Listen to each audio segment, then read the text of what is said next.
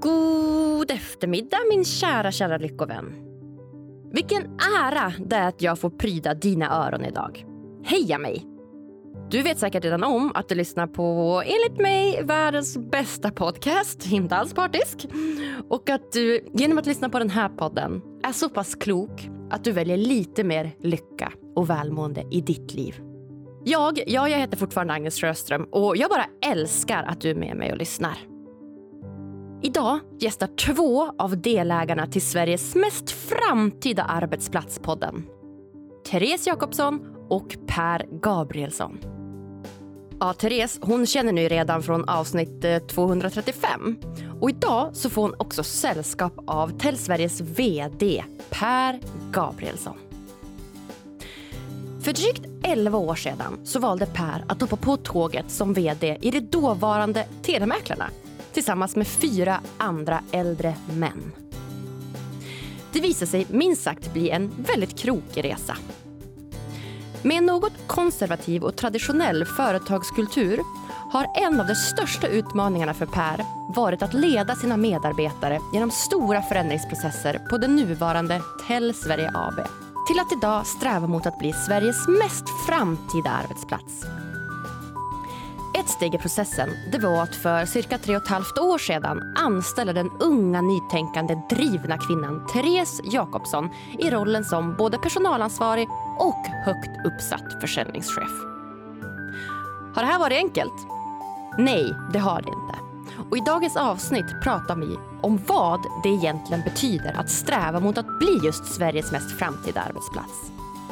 Vi pratar om vilka egenskaper som är viktigast för att bli en bra ledare vad som är en bra företagskultur och även vad som fick Per att kliva ur sin konservativa bubbla och anställa just Therese. Låt oss ta er med på en resa från ett litet, litet startup till ett stort expansivt bolag. Varsågoda!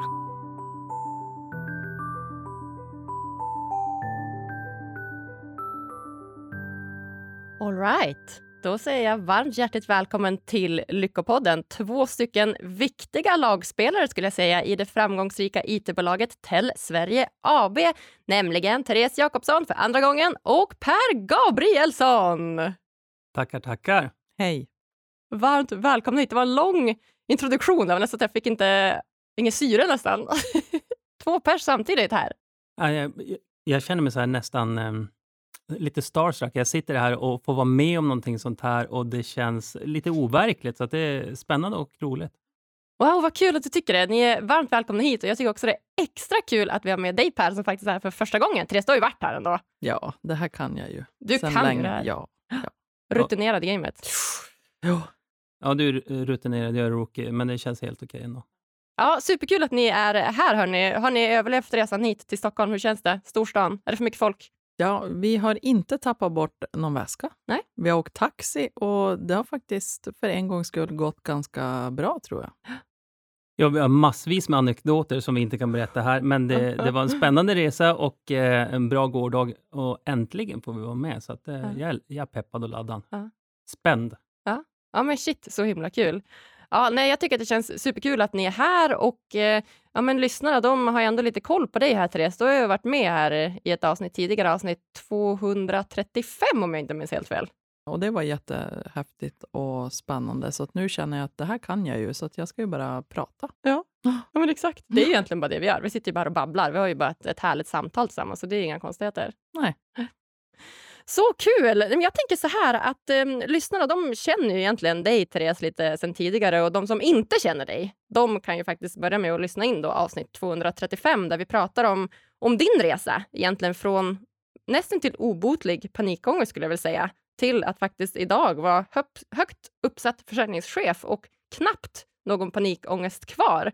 Så det är väldigt inspirerande. Så att, eh, tänk att de kan börja lyssna på det och jag tänker att vi ska vända oss till dig istället Per för Per, dig känner de ju faktiskt inte. Nej, det är helt rimligt också. Jag är knappt att jag känner mig själv, men jag är, jag är beredd. Ja, du är beredd. Vad härligt.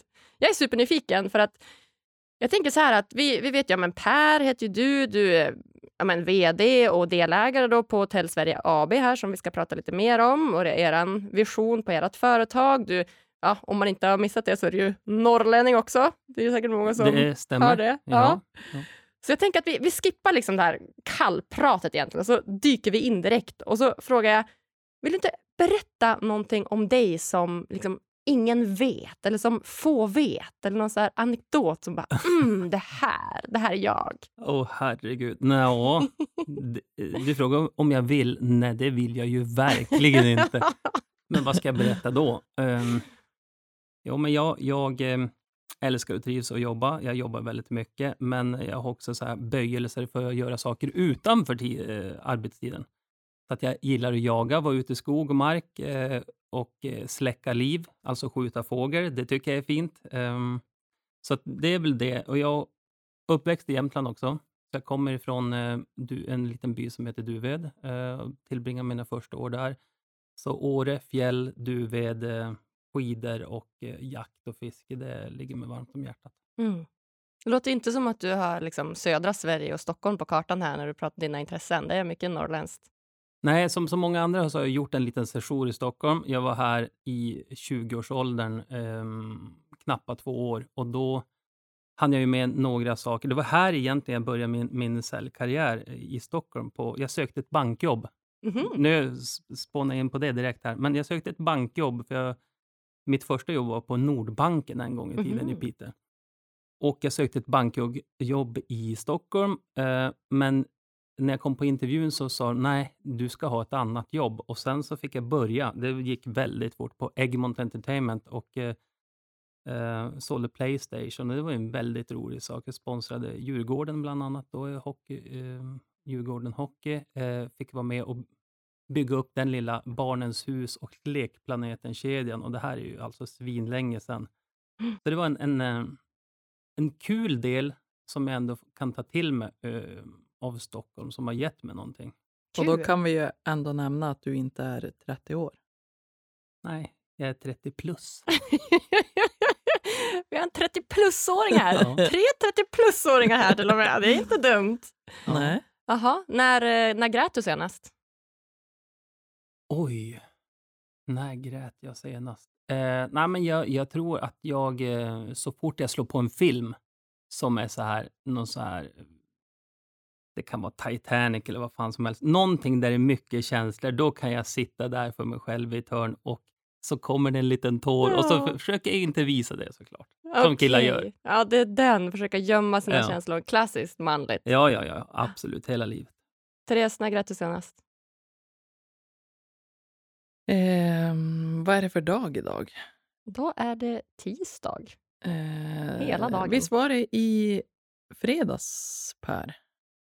Jo, faktiskt, du, du satt och fällde en tår. Ja, det var i fredags. Vad fint. Varför? Mm.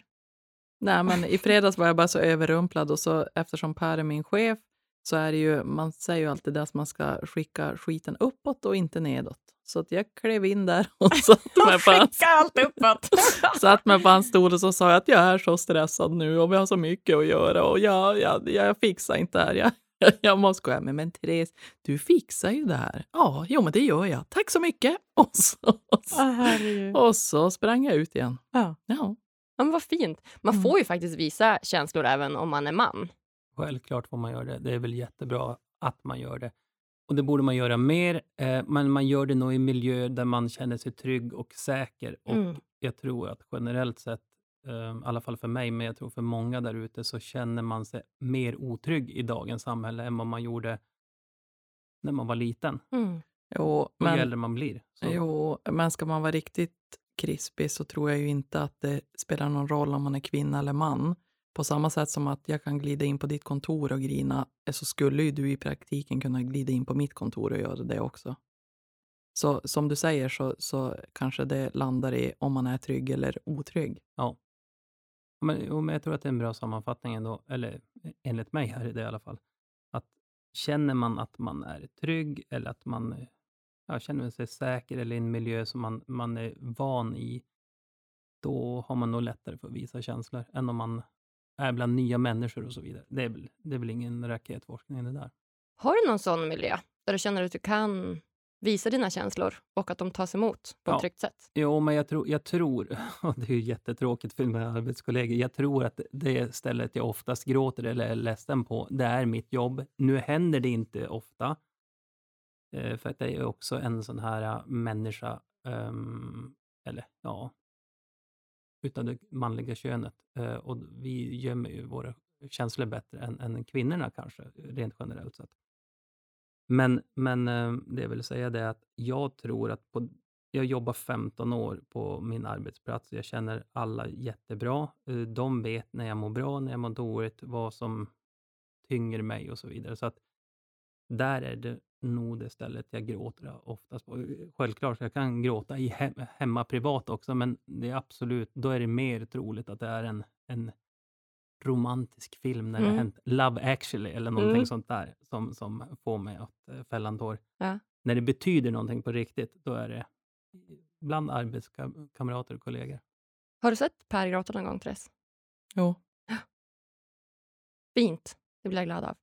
Ja. Ja. ja. Jag blir lite ledsen, ja, men okej. Ja, jag blir glad. Jag tycker det är skitfint att man kan visa känslor. Alltså jag sa ju det, jag grät ju senast nyss för typ tre timmar sedan när jag åkte hit på tunnelbanan för allt som händer i omvärlden. Och jag, stod, alltså jag kunde inte hålla det tillbaka. Det var ja, men allt som händer i Iran och det är eh, kriget i men, Ryssland och Ukraina och det är, nu ska vi inte prata så mycket politik tänka för då kommer vi bara snöa in på det, men, ja, men de nya förslagen som den nya regeringen har om brott och straff och ungdomar. Jag vet inte, jag, jag kunde inte hålla mig. Hela tunnelbanan, jag bara, det var rann tårar. Och jag tänkte bara, ja men why not? Jag låter det komma idag. Varför, varför inte? Alltså jag vill ju ändå att vi ska leva i en värld där är, känslor är mer tillåtet och accepterat på alla sätt. Så att eh, ja, jag blir glad när jag hör att eh, folk har sett varandra gråta. Det är fint. Jo, men eh, samtidigt är det ju så att någonstans så blir det ju, ehm, om man jobbar som vd eller man jobbar som försäljningschef eller man driver en podd eller man jobbar på ICA eller Ikea eller vad det kan vara. Alla är ju människor i slutändan. Och är det så att den som leder inte visar att det är acceptabelt, alltså ehm, jag hade ju aldrig vågat vara öppen med mina tankar och känslor om min chef inte hade varit det. Och en del säger så att jo, men karar, i alla fall i Norrland, det kanske inte är samma i Stockholm, men, men eh, de ska inte gråta och de ska vara superstarka. Man är ju stark om man kan visa sina känslor. Och precis som jag sa i mitt förra avsnitt, om man bara fyller på i ryggsäcken, oavsett man är man, ung, gammal, eh, vad man då är, det skiter jag faktiskt i. Men man lägger en massa besvikelser, missnöjen, ja, men ledsna känslor i ryggsäcken, då kommer det att explodera till slut. Så att jag tycker också, precis som du Agnes, att det är jättefint och jag tycker att eh, det är tråkigt, men kan man hantera sina känslor eller missnöjen eller som du säger, om det är politik eller omvärlden eller vad det är, ehm, då gör man inte det så blir det ett problem senare. Mm. Punkt. Ja, nej men helt sant. Jag tycker det är så fint att lyfta på det locket också och bara prata lite grann om känslor här. Det som du absolut inte ville prata om Per, det dyker vi in här direkt i och, och pratar om. Jag tycker bara att det är så viktigt att, att lyfta på det locket, även när det kommer till det vi ska prata om idag, företag, företagskultur, hur man kan ja, men, göra den mer trygg så att vi då kan ja, men, skapa en, en lyckligare arbetsplats. Jag tycker det är viktigt att, att börja lyfta lite på det locket. Men jag tänker att vi ska börja lite grann från början ändå här för Per, för jag vet att du var ju med väldigt tidigt i Tells historia. Och som jag förstår så har ni gjort en jätteresa rent förändringsmässigt. Alltså det har kommit med väldigt mycket förändringsarbete från, från första början. Men om vi liksom börjar från, från början, hur, hur såg det här bolaget ut när du hoppade på det och, och varför hoppade du på det? Det låter som att jag började på 30-talet när, när farfar högg timmer i skogen med en nylonskjorta. Så var det ju inte. Men, Men, du, du ser lika gammal ut. Faktiskt. jag vet, du säger det varje dag också. Eh, nej men, alltså jag började ju för 15 år sedan eh, på det här bolaget, som då hette Telemäklarna, som nu heter Tell Sverige. Eh, och det är, eh, alltså det är en enorm skillnad vad som har hänt med företaget, hur det är Alltså hela, hela resan som vi har gjort, det kan ju låta klyschigt eller... Ja, jag, jag vet inte riktigt vilka ord jag söker här.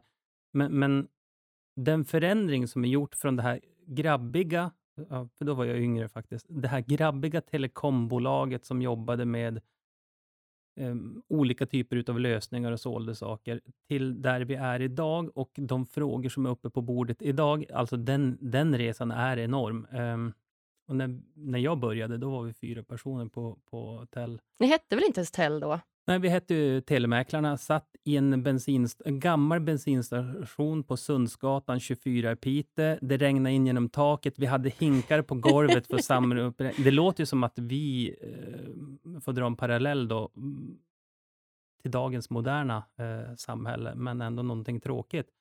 Det låter som en, en, en historia från krigets Ukraina. Riktigt så illa var det inte. Men, men det var där vi började. Um, Varför? Ja, det är traditioner. Traditioner i Sverige är väldigt starkt och eh, jag började utav en anledning att jag jobbade på ett annat, en annan telekomkedja där jag började min karriär, som jag tyckte, jag hade jobbat där i sex sju år och tyckte att den resan som jag hade klivit på inte motsvarade där vi var där och då, utan jag ville mer. Um, och jag gick till, till de dåvarande ägarna, då, uh, Svante Blomqvist och Christer Öhman, och uh, sa, jag har en idé. Eh, och den idén var då att, att jag skulle börja jobba där, att jag så småningom skulle bli delägare, för att jag var ju väldigt, jag var ju mycket mer eh, ettor och nollor då. Jag har ju blivit så mjukare kanter med, med åren och, och, så vidare. Men, men jag sa det att eh, ja, jag vill bli delägare inom si och så lång tid. Jag kan tillföra det här och det här och det här, som många yngre förmågor där ute gör med oss idag också ställer krav och kommer med drivkraft och ambition. Ehm, jag fick en, en chans, jag hoppade på, eh, gick tre år och sen så fick jag möjlighet att köpa in mig. Och jada, jada, jada, här sitter vi idag. Om vi nu snabbspolar det här lite grann, eh, så kommer vi fram till där vi är idag. det jag utelämnar i den här eh, resan, det är ju den här värderingsförändringen eller kulturförändringen eller sättet att tänka på stort och smått eh, som har kommit. För det var ju inte självklart när man är fyra killar slash gubbar eh, som sitter och driver ett telekomföretag och, och man ska göra någonting. Då gör man det för en enda sak, det är för att tjäna pengar. Och det, alla säljbolag runt om i Sverige, det, det skriver de under. Varför driver du det här bolaget? Ja, för att tjäna pengar. Och då vill jag inte säga att vi gör ju det här också för att tjäna pengar, självklart. Eh, det blir jättesvårt att bedriva en verksamhet och betala räkningar och hyra och så vidare ifall man inte tjänar pengar. Men det ska finnas, idag är det mycket, mycket viktigare att det fyller fler funktioner än bara ger en lön och mat på bordet. Um, så den här resan påbörjades um, vad säger jag, 2007 eh, för min del. Um, och då uh, satt jag mitt emot Eh, Svante på skrivbordet. Vi delade skrivbord, eh, för det var så litet det här stället, så att han satt mitt emot mig och för alla som känner Svante Blomqvist, superprofil i Piteå, eh, vet hur han låter. Han har världens högsta ljudvolym, så när han sitter och pratar i telefonen, då sitter han och så skriker han rakt in i telefonen och stirrar mig i ögonen och har en del. Jag tänkte, vad har jag gjort? Vad, vad har jag börjat? Vad har jag gett mig in på? Eh, men det var ju skitkul. Det var en jätterolig resa de första eh, fem, tio åren där. Tills vi började jobba med den här förändringen. För den ska jag säga, den, det är ingenting som vi har jobbat med jättelänge. Den eh, blev aktualiserad för tre och ett halvt år sedan egentligen, när vi bytte namn från Telemäklarna till Tell. Ja, men exakt. Ni satt där i den lilla källare, det regnade in från taket. Det var du och fyra andra då för att säga det snällt, killar, om man ska vara ärliga, gubbar. och eh, ja, men startade upp det här eh, lilla, lilla bolaget helt enkelt. Och sen säger du att då kom det någon, då, ja, men ganska nyss har ni börjat med något förändringsarbete. Varför började ni med det? Varför, varför satt ni inte bara där och körde eran, eran grej och fokuserade på pengar när ni, när ni väl kunde? Liksom? Det var ju fyra stycken gubbar som körde på. Varför funkar inte det? Alltså jättebra fråga. Jag tror att eh, det hade vi kunnat gjort också. Alltså, jag tror att det är jättemånga där ute, småföretagare, som, som vi fortfarande själva är. Inget jätteföretag, vi är ungefär 30 personer. Men, men eh, den sak som gjorde att vi påbörjade det, det var att vi ville någonting. Alltså det ska vara mer än att tjäna pengar. Alltså det kan ju alla skriva under på. man ska ha roligt på jobbet, men det kan många ha som inte jobbar med de här sakerna också. Men man ska också må bra. Um, och att det ska, man ska kunna förstå för de värderingar och eh, det budskap som man har. Och vara ett eh, krängigt säljbolag, det är svårt att stå för det. Alltså om vi kokar ner det hela. Så att vi eh, jobbar med vår styrelse, en, en fantastiskt bra kille som heter Nicke, eh, som driver ett bolag som heter Omai i Piteå. Han hjälpte oss att jobba fram den här, eh, vårat, eh, vår värdegrund och budskap och vad vi vill och inte vill. Eh, så att vi, vi satt den, eh, vi påbörjade arbetet och vi har landat i att vår ambition är att vi ska bli Sveriges mest eh, framtida arbetsplats förstår också, det är enormt stora skor att ta på sig, så att det är ingenting vi tror att vi gör i en handvändning. Men om vi har den ambitionen och ett mål att jobba mot, så kommer vi varje dag bli bättre. Och det tror jag att alla som var kvar efter det här förändringsarbetet, för det innebar ju att vissa personer slutade, vissa fortsatte att jobba på det här och det har ju fortsatt att vara så även efter det, det datumet. För att gå från ett en sak till en annan. Det, det gör man inte utan, eh, vad ska man säga, inte utan Förändring? För, ja, nej, absolut. Förändring är ju en del utav det, men också grus i maskineriet. Alla är ju inte jättebekväm med förändring och alla tycker inte att, det, att man går till någonting bättre, för det är skönt att göra det man alltid har gjort, för det känner man igen. Så det, det är ju en jobbig och påfrestande process som man ska ta sig igenom och det klarar man bara om man vet vad slutmålet är och att man verkligen, verkligen vill det. Kände ni någonstans att den här förändringen, att eh, ni någonstans var kanske tvungna att göra den för att bli lite mer liksom, attraktiva på marknaden? Eller var det mer att ni kände så här, nej, vi provar?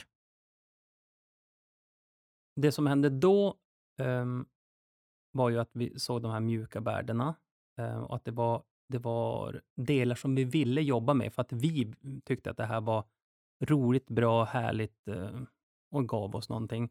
Men tittar jag tillbaka på det nu, uh, med backspegeln till ett halvt år, där, där norr och Västerbotten, framför allt eh, kanske i krisen Sverige, som vi kan kalla det här i, är den situation vi är i nu, då är det ett absolut måste. Alltså vi är, vi är ett sånt ställe att om inte vi förändras och eh, anpassar oss och förbättrar oss hela tiden, då kommer inte vi vara en attraktiv, attraktiv arbetsgivare eller leverantör till våra kunder.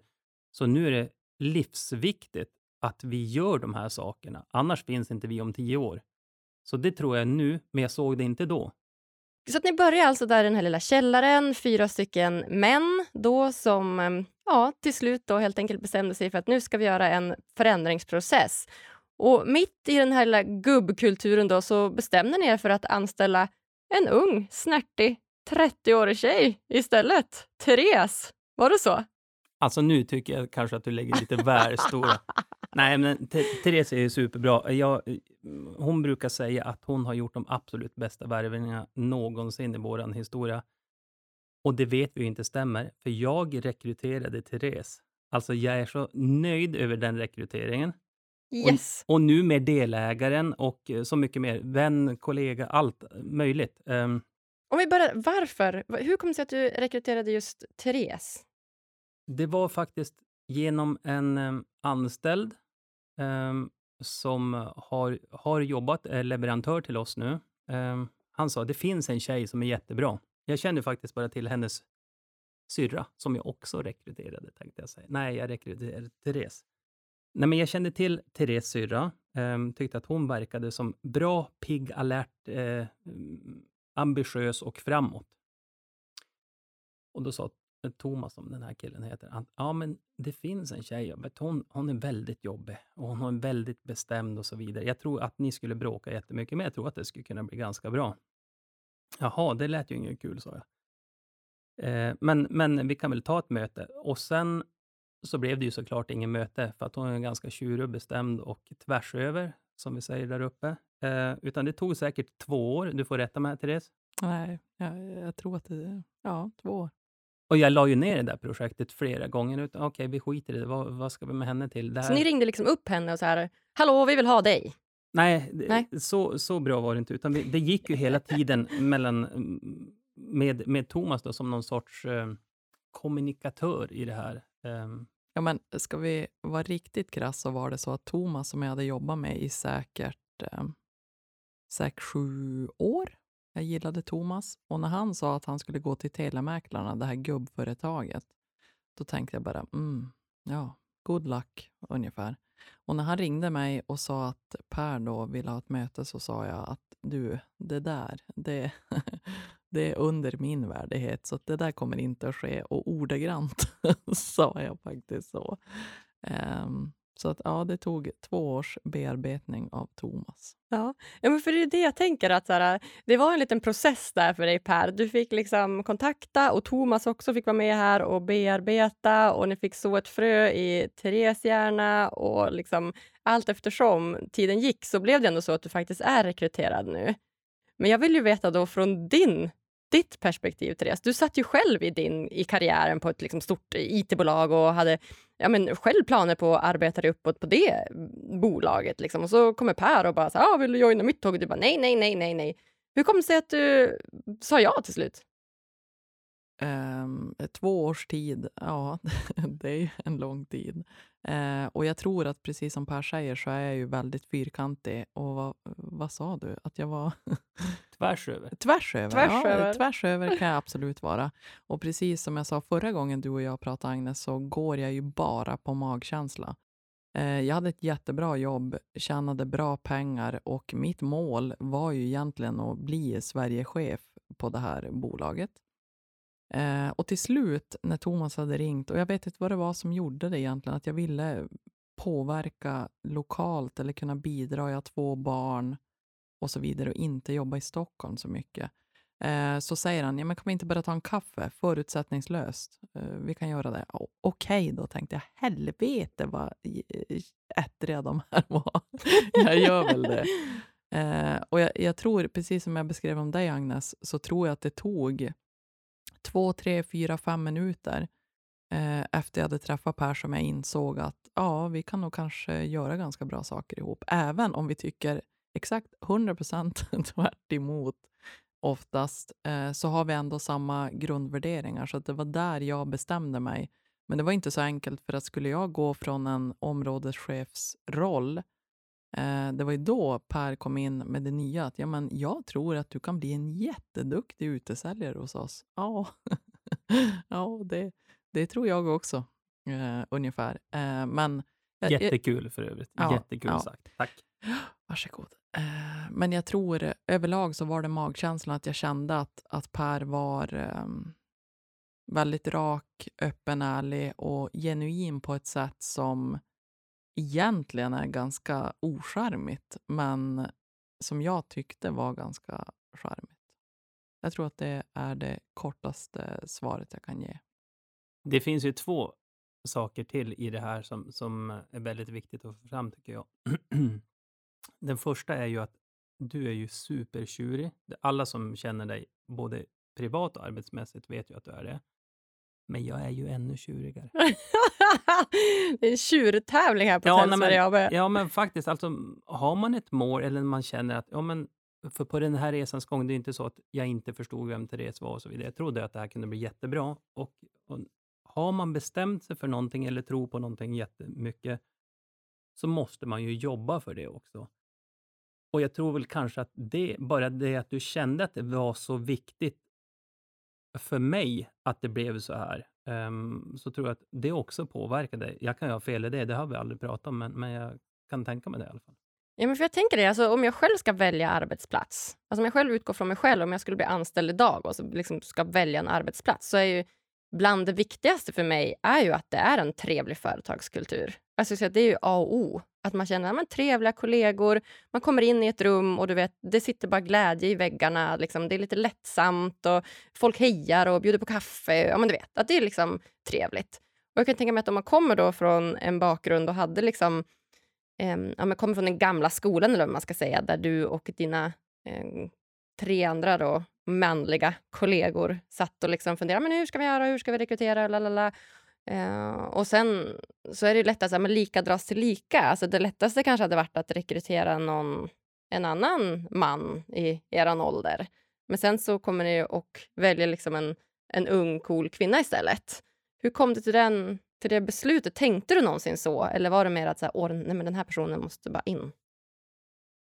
Jättebra fråga. Nej, men jag tror inte... Mm, det här är ju någonting jag kommer till insikt nu. Jag tror inte att jag sorterar in människor i den och den... Eh, det här är en bra man eller en bra kvinna, utan jag ser bara personen, vad den kan bidra med. Jag är inte så fixerad eller brydd om andra förutsättningar. Kan den här personen komma in och bidra och ha kul och göra bra saker med oss? Punkt. Alltså så, så enkelt är det nog. Men jag inser också när du beskriver det här, att vart du vill jobba, då, då skulle jag vilja säga där vill jag också jobba. För så är det ju inte hos oss hela tiden. Det vill jag vara supertydlig med. Men jag tror, det du säger kan jag ju hålla med om, men en sak som du kanske glömmer bort är ju att eh, det är väldigt få tjejer som hade fixat den där anställningen. Som, inte för att ha vattenskalle, men, men, men det jag menar är att jag var den första tjejen som klev in där. Det var ju väldigt grabbigt, det var ju väldigt eh, oskönt egentligen, eh, om man ska tänka på det. Om jag jämför varför jag ens valde att ta anställning var ju baserat på min magkänsla kopplat till dig, inte till telemäklarnas kultur eller hur, som Agnes beskrev nyss, eh, att det var lättsamt glatt. Då. För nog var det glatt, men det var på en helt annan nivå. Och det är ju det jag menar att jag tycker absolut inte att du bedömer människor olika utan eh, baserat på vad man är, utan eh, Eh, det man säger och gör, det står man för oavsett det är till en kund, till en medarbetare eller vad det är.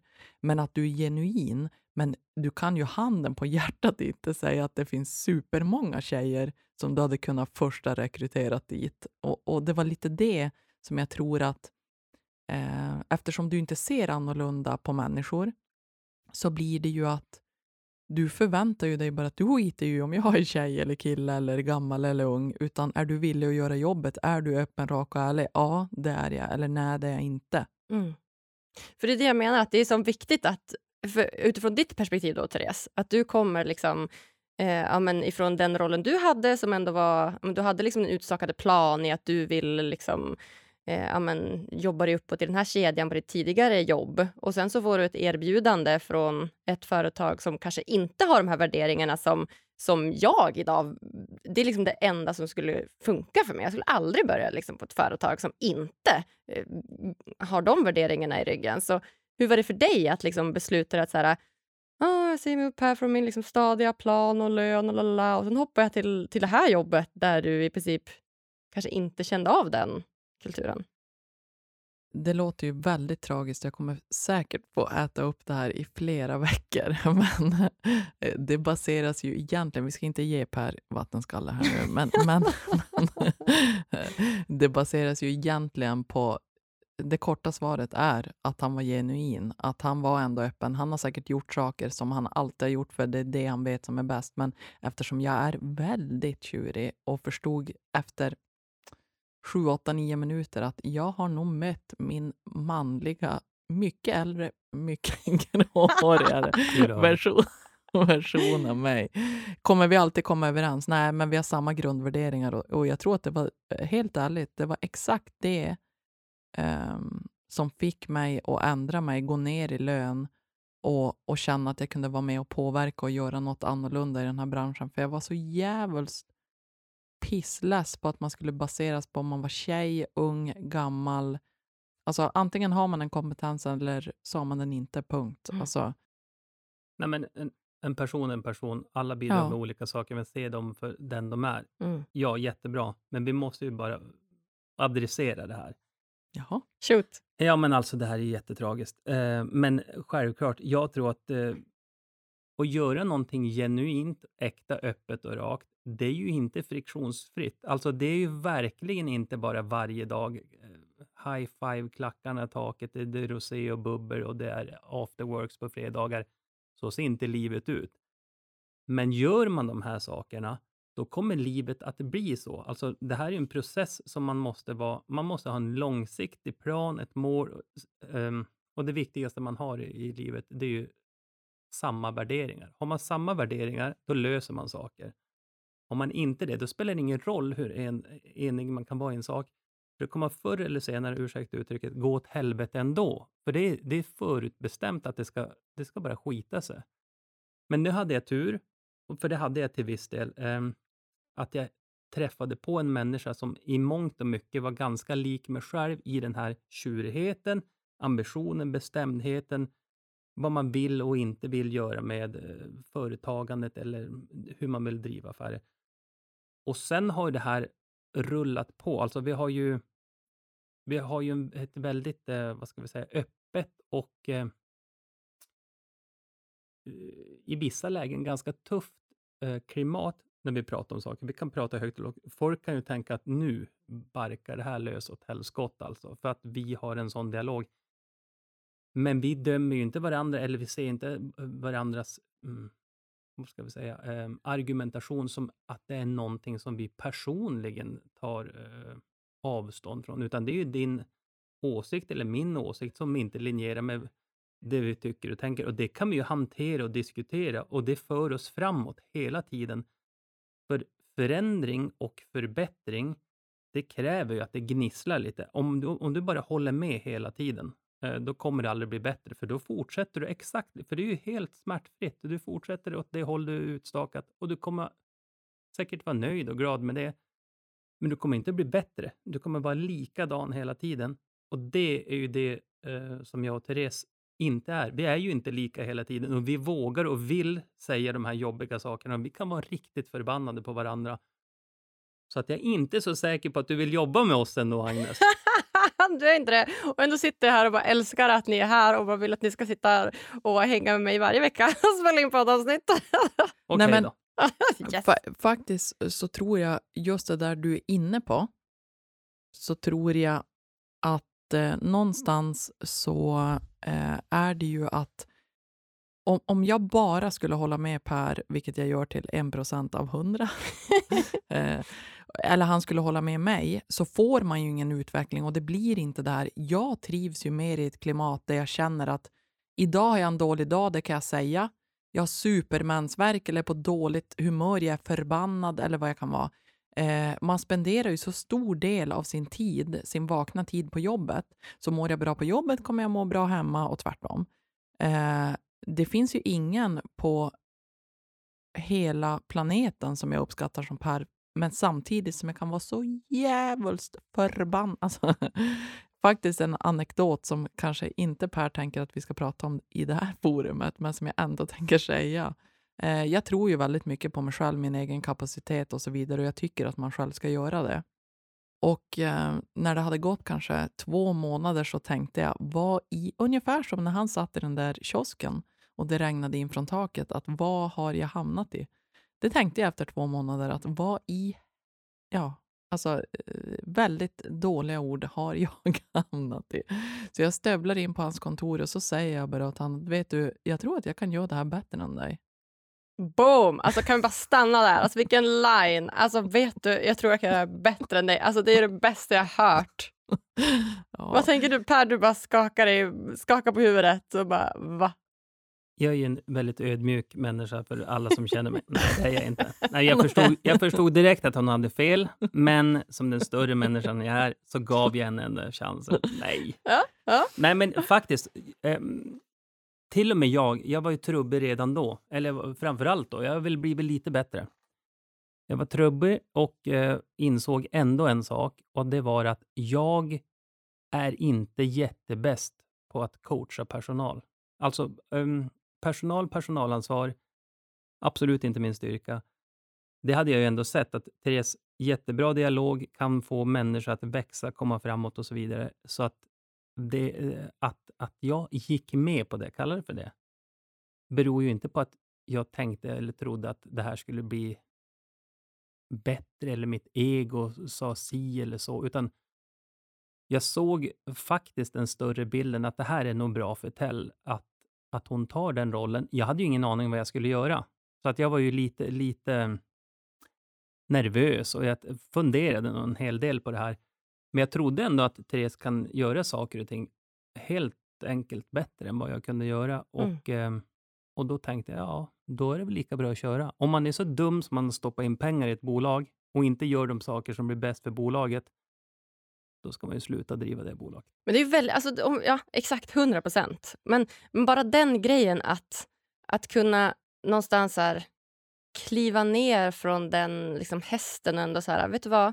Ja, du kanske kan göra det här bättre än mig. Vi provar. Alltså, det är väldigt, väldigt fint och väldigt ödmjukt och väldigt det är en egenskap. Jo, men nu skakar du på huvudet här igen. Nej, men det är inte fint och det är inte ödmjukt. Det, alltså, det, var ju, det, det gjorde ont. Det skrek invärtes. Det var emot allting jag trodde och ville. Såklart. Men jag gjorde det för att jag tänkte att det blir ändå bättre än hur det är nu.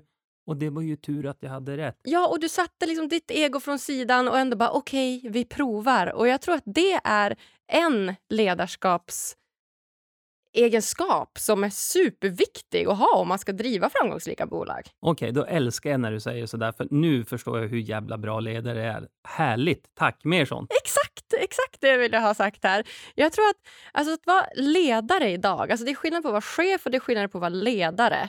Att kunna leda en organisation eller befolkning eller vara en, en grupp, vad det än kan tänkas vara. Det kräver ju vissa egenskaper och en del av det är ju att kunna sätta sig själv åt sidan och vad är bäst för gruppen.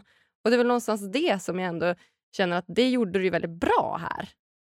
Ja, när, man, när man läser så här smarta eh, avhandlingar, böcker, inspirationsföreläsningar, kika på det och så vidare, då låter allting så här självklart i teorin. Men när du sitter där och du, du, du får den här frågan. Jag tror att jag ska ha ditt jobb. Är du dum i huvudet? Tänk, jag tänker ju det. Ja, ja. Och jag tycker att hon är det också ja. lite grann. men men eh, någonstans, jo, um, jag förstår ändå såklart, för jag är ju en vuxen människa som kan tänka att det här är ju en sak som är bra för oss. Och jag är så jäkla glad att jag har kommit så långt, för det tror jag, det är väl kanske bland det svåraste man gör, när man när man erkänner för sig själv, du är inte så bra på det här, du borde göra någonting annat. Um, och med det sagt så är jag jätteorolig nu när jag har den roll som jag har idag. Vad kan det här sluta med? Men det är en helt annan frågeställning. Um, nej, men så att jag är glad att vi kom till den frågan, att Therese dels vågade säga och tycka och tänka så. För det tror jag också, som en ensam en tjej i princip som du var då. Eh, dels så säger det och till mig som var supertrubbig, det är jättebra. Det kanske hade varit lättare i många, många andra organisationer än det bolag vi var just då. Mm. Men det kanske fick också en liten så här raketskjuts på, på mitt tankesätt och startade upp det här, alltså det vi håller på att jobba med nu. Ja men verkligen. Verkligen. Och hur var det för dig, Therese? Att bara så här, jag kan göra det bättre än dig. Alltså, det är inte så ofta man går och säger det till någon heller. Man kanske tänker det, men att faktiskt säga det är något helt annat. Jo, eh, jag tänkte nog efter jag hade sagt och så gick jag hem och så tänkte jag, vad fan har jag gjort? eh, så att det, det var ju väldigt offensivt, men, men eh, jag kände ändå att det var värt det och att eh, vi skulle kunna göra något riktigt bra. Om han skulle nyttja sina främsta styrkor och jag skulle nyttja dem, att vi istället för att springa på varsin väg kunde springa på samma väg utan prestige eller utan något svammel. Eh, så då tänkte jag ändå att ja, men det känns bra och sen det som händer, det händer. Det är menat. Um, ehm, och sen dagen efter tror jag faktiskt att det var redan, så sa ju Per att jo, nej men mm, vi, vi testar och så kör vi. Så här, okej. Okay. Eh, och sen tror jag helt ärligt att vi spenderade sex månader kanske med att bara stånga huvudet blodigt. Alltså något så jävligt. Alltså, så fort jag gjorde någonting så sa, sa Per, nej men så där har vi faktiskt aldrig gjort, utan vi har ju gjort på det här viset. Eh, och jag är jättestolt och glad och tacksam att jag orkade hålla i det, för att för varje dag som gick så såg ju kanske Per, även om han är en bra människa och han var ju van att jobba på sitt sätt och jag var van att jobba på mitt sätt. Eh, där vi är idag, tre och ett halvt år senare, kontra då. Jag kan ju läsa av han, jag behöver bara titta på han i en sekund så kan jag veta vad han känner, tänker och tycker. Och egentligen, ska jag vara helt ärlig, så spelar inte alltid det någon roll. alltså, eh, det, det jag menar är som är fint, eh, och det tror jag att man kan också sända ut i organisationen, att vi kan ju stå på möten där jag inte håller med han eller han håller inte med mig. Men det finns ingen... Alltså, vad är bäst utifrån verksamhetens behov eller personalens behov? Det är inte mitt ego eller hans ego eller eh, vad ska vi göra som är bäst framåt? Och där tycker jag, jag har lärt mig enormt mycket av han och jag tror att han har lärt sig enormt mycket av mig. Så det har som blivit en mix. Vi är jätteolika som människor men har samma grundvärderingar. Så att jag kan ju stolt här säga idag, skulle jag gå till någon annan kedja och bli Sverigechef idag, nej men 100 procent hade jag tackat nej. Mm. Eh, för att jag känner att det vi gör idag är så viktigt. Eh, även om vi är 30 personer idag och 100 personer om två år, så känner jag mig jättestolt och trygg och glad i att alla kan säga som de känner, tycker, hur de mår eh, och vi kan tjäna pengar på kuppen, men ha kul. Alltså mm. Det är mm. som att vi har fått alla grundstenar trots att vi har bråkat ihjäl oss. Alltså ibland har jag ju velat strypa ut dem. Så att, ja, ja. Och det är också någonstans fint. Alltså, vet, det är det som är så konstigt att säga, alltså, det är fint att ni stångas, men Alltså om jag ser på samhället liksom generellt idag och en sak som jag tycker är så vackert med er relation, det är ju någonstans att de tål ju, det tål lite stångning. Det tål lite konflikter och ni kommer förbi det stadiet. För att om man tänker generellt sett idag, vänner eller liksom bekanta eller i, på arbetsplatser eller vad som helst så är ju oftast konflikter någonting som rör upp och som liksom gör att man kanske, speciellt i vänskapsrelationer, att så här, tål våran vänskap en konflikt? Vågar jag säga vad jag tycker här? Kan jag säga till Therese att så här, vet du vad, jag är så ledsen, du hör aldrig av dig till mig. Eller vet du vad, jag är så ledsen för att jag har de här förväntningarna på vår relation eller vår vänskap. Vad tycker du om det? Och att någonstans lyfta på de här stenarna och faktiskt kunna prata om dem. Det är ju någonting som, som jag tycker generellt idag i Sverige är ganska liksom, det är inte så många som gör det. Det är inte så många som vågar ta upp och prata om sådana här konflikter. Så här, tål vår relation det? Kommer vi kunna vidare, komma vidare från det här? Kommer vi inte kunna göra det? Och någonstans för mig, om jag grundar till mig själv, att så här, men om jag ska kolla på mina relationer idag och vilka som jag faktiskt värderar högst, det är ju de relationer som har haft konflikter. Där man har faktiskt kommit vidare, där man har kunnat lösa det, där man har liksom kommit till en ny plats efter de här konflikterna. Men det är också lika många liksom, relationer i min närhet som nästan bara rinner ut i sanden istället för att ta den här äh, lilla konflikten. Så att där skulle jag säga att ni visar ju faktiskt någonting vackert till liksom, hela kulturen. Jag tror att det du är inne på är jätterätt, men jag tror oavsett vattenskalle eller inte, för det här är ju du Per. Eh, vad betyder vattenskalle? Jag vet inte jag vad det gör, betyder. Berätta gärna det Per. Nej, men Anton är jättestort eh, ego och eh, uppblåst huvud och hon tycker att hon gör bara bra saker. Okej, okay. ja just det. Då vattenskalle. Ja, vattenskalle. Ja, ja. Okej, okay. eh, Vi kommer säkert till det, men skit i det. Det jag menar är att vi har ju tagit det till en nivå ytterligare. Jag vet utan vattenskalle att Per grundvärderar mig. Alltså att, att eh, han har respekt för mig, mina åsikter, mina tankar precis som jag har det för han. Vilket gör att när jag kommer och säger att något är dåligt, något är bra, vi måste sluta, vi måste börja eller vad det kan vara, så skiter jag. Alltså, det låter lite sjukt, men eh, jag är inte ens en procent rädd för att det ska bli en konflikt. Utan eh, det här är det bästa för bolaget, det här kommer generera det här för 30 andra människor. Eh, jag skiter lite grann i vad han tycker personligt om det och jag tror, min bild i alla fall, du får väl rätta mig om jag har fel Per, att du skiter lite grann i vad jag tycker, fast med kärlek. Alltså det är det här som är det sjuka. Men det ligger ju en trygghet i grunden på något sätt. Ja, men eh, alltså det här är bra spaningar allting och insiktsfullt, men um, är det alltid, jag backar bandet lite där och så tänker jag så här då, är det alltid så här jätteskönt att, att man eh, kan stå och köra en dragning och att det skaver lite grann och folk säger oj, oj, de här är inte samspelet och synkade.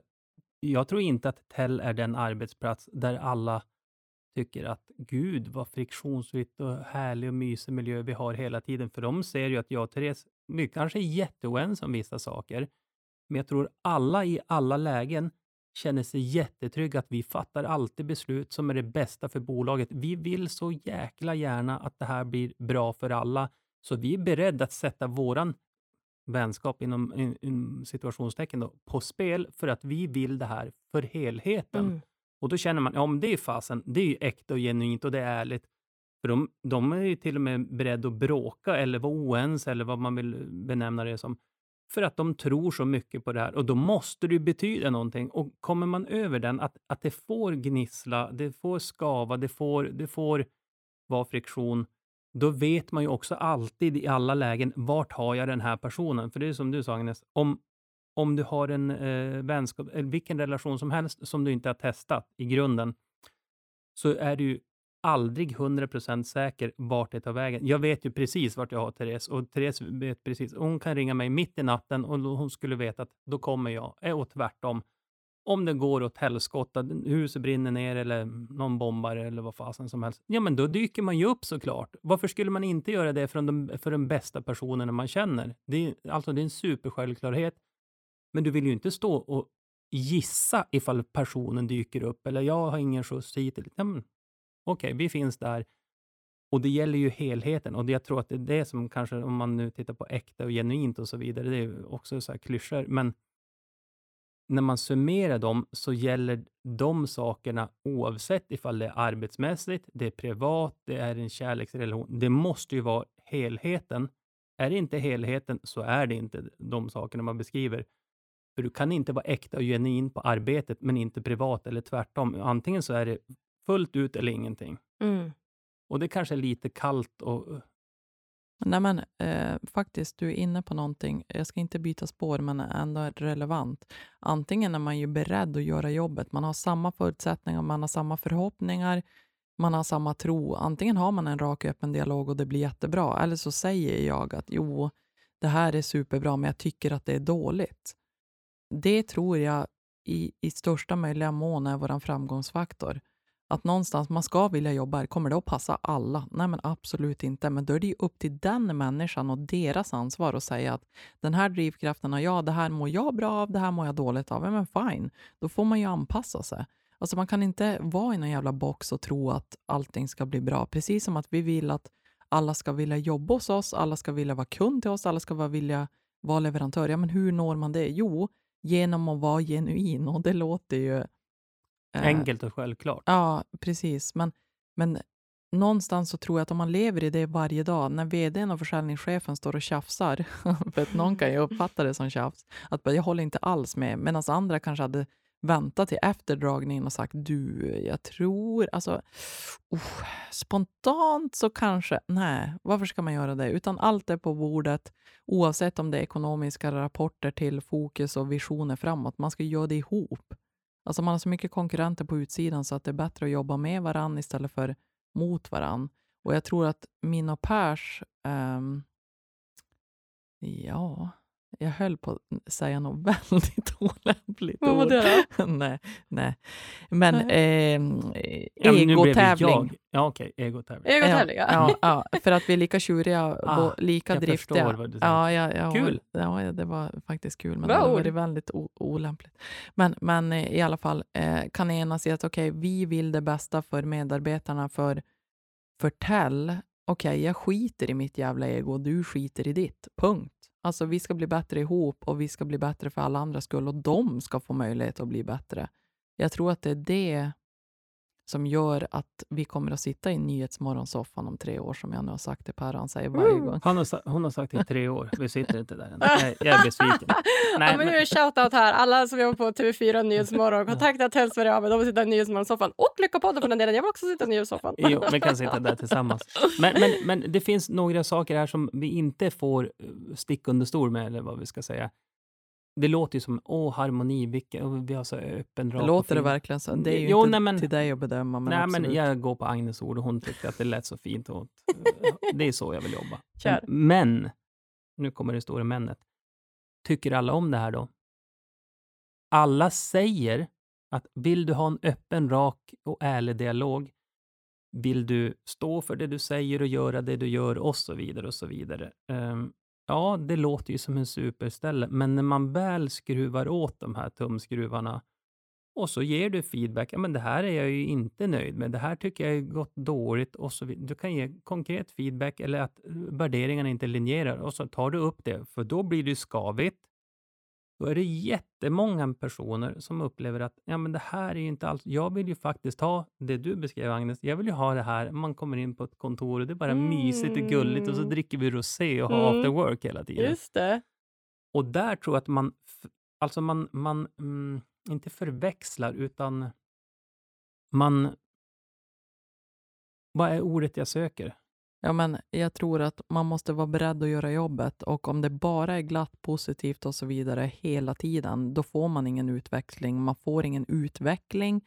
Eh, man blir inte bättre som människa. Så istället, om någon kommer med en utvecklande feedback som du är inne på Per, eh, att någonstans att vet du, de här grejerna gör du superbra. De här två tror jag att du skulle kunna tänka så här och kanske följa med Fritz, för att han är jätteduktig på det. Om man då är, jag skulle inte säga Ja, men om man har ett stort ego och tycker att allt man gör är rätt, då är man på fel plats. Då ska man inte vara hos oss. Mm. Däremot känner man att man konstant vill bli en bättre person, medarbetare, anställd. Man kanske vill driva företag framåt. Man vill, eh, man vill utvecklas helt enkelt. Då är man på helt rätt ställe. Men att utvecklas och bli bättre, precis som du säger, oavsett om det är att gråta, eh, eh, reflektera över sitt eget beteende eller agerande eller vad det kan vara. Oavsett vi jobbar med försäljning, hur kan man bli bättre i den säljcykeln och så vidare. Mm. Eh, är man redo för det, då är vi en svinbra arbetsplats. Mm.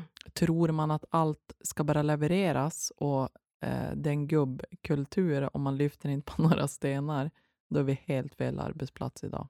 Nej, men, men mm, ja, jättebra summerat. Det, det, förändring och förbättring, det kostar. Alltså det kostar jättemycket att satsa det av sig själv för att få någonting mer. Och man måste våga ta steget ut och sätta sig själv lite grann på, på, på spel, så att säga. Att, att man riskar någonting för att få någonting. För man får aldrig någonting gratis. Någon kommer inte satsa på dig ifall de inte ser att du ger någonting tillbaks. Alltså det gäller ju från vår sida som arbetsgivare eller från min sida privat i en relation eller hur som helst. Men ger du någonting, då kan du få någonting. Och gör du det, då blir det lite obekvämt. Alltså, det är ju aldrig innanför boxen. Om du inte känner dig supertrygg då, för då kan du visa känslor. Jag tror också, ska man vara riktigt, riktigt krass, så du som, eh, när jag började till exempel, så var det ju, eh, men vi har alltid gjort så här och det är på det här viset. Om inte du och jag hade krokat arm där och utmanat varandra så hade vi inte suttit, inte här i Lyckopodden, men vi hade inte suttit där vi sitter idag, där jag känner mig jättestolt över det. För jag har vissa kvaliteter som är jättebra, du har vissa kvaliteter som är jättebra. Vi har väldigt många dåliga också. Mest Men- dåliga. Ja. Nej, men jag menar bara att, att du har egentligen gjort den där resan. Jag var redan inställd på att det var så här det skulle vara. Inte kanske för att jag är tjej, men för att jag hade jobbat i förändringsprocesser, organisationer och så vidare tidigare. Eh, så att du är ju, inte bara du, men Tell överlag är ju ett praktexempel på hur man faktiskt kan förändra en, för, alltså en inte förlegad, men ehm, Gammaldags. Ja, men, eh, men en gammal eh, kultur. Eh, för du har ju verkligen fått åt, eh, inte åtsidosätta, vad fan heter det ordet? Åsidosätta heter det. Ja. Mm, Eh, det tankesättet för att vi, eh, alltså det här året som vi bara tjafsade, jag vill inte ens kalla det tjafs, men alltså jag höll ju på att bryta ihop där och tänka vad är det för fel på den här eh, människan, precis som jag tror att du tänkte det, och att det kom något fint ur det, att det är ganska jobbigt. Det, det är hårt jobb Mm. Som krävs för att vara så där ärlig. För att i Sverige så är det ju, du ska inte vara det, utan du ska vara ganska trevlig, Mm. glad, eh, hålla med och så vidare. Mm. Ehm, att vi ens sitter här ihop och tycker att livet är ganska kul, och, ja, okej, så är det efter allt vi har eh, varit med om. Det är ju speciellt. Och fantastiskt. ja. Och Jag skulle ändå vilja säga det att så här, hur man än vrider och vänder på bolag, entreprenörskap och liknande så är det ju verkligen så att ensam är ju inte stark i det här läget. Nej. Vi behöver ju verkligen varandra, vi behöver varandras kompetens, vi behöver lära varandra, vi behöver olika åldrar, etnicitet, kön, allt möjligt för att liksom skapa en, en bra gruppdynamik överlag. Så om ni får välja ut typ en eller två egenskaper som ni skulle säga att så här, men det här är de viktigaste egenskaperna för att vara en god ledare. Vad skulle ni säga då? Jag tänkte på ett ord som jag tror ändå genomsyrar mycket av tänket och känslan och det är att man ska vara prestigelös. Det är bra ord. Jag gillar också prestigelös. För har du för mycket prestige, eller har du, jo, men prestige kan du ha, men in, har du för mycket, då kommer det inte bli bra. Eh, men det är en jättejobbig eh, egenskap också att balansera, eh, eller ha självinsikt om vart den tar vid och inte tar vid och när du kan vara prestigelös och inte. Verkligen lite kopplat till egot också. Där, ja, alltså den är superviktig tror jag. Prestigelös, vad skulle du säga om du får säga en egenskap, Therese? Du får inte säga prestigelös. Jag skulle säga äh, ärlighet, alltså att jag vågar vara ärlig med mig själv och jag vågar vara ärlig med andra. Mm. För det är också så jag kan hjälpa mig själv eller hjälpa andra. Så att jag tror att jag skulle, och inte välja prestigelös, för den gillar jag ju. Mm. Då väljer jag ärlighet. Mm. Jag gillar också ärlighet. Och liksom genuint vara ärlig. Mm. Inte liksom Nej, inget hittepå. Nej, Nej, exakt. Alltså, vi, vi, det finns så många bra ord. Nu har vi sagt Ja. dem, men ärlig, öppen, rak, prestigelös som vi sa då. Men det finns, det finns ju tonvis med bra egenskaper som man kan lyfta in. Det är bara så svårt att, att bo, både prioritera dem också, men också att orka vara det hela tiden. För kontinuitet är någonting som man, eh, jag vet inte, jag hörde någonting smart för ett tag sedan. Men, men om du inte orkar göra det här, ja men det var just det, Petter Stordalen tror jag att det var. Eh, Men om du gör det här varje dag hela tiden, lite mer energiskt än alla andra, då behöver du inte vara bäst. Du kommer ändå vinna i längden.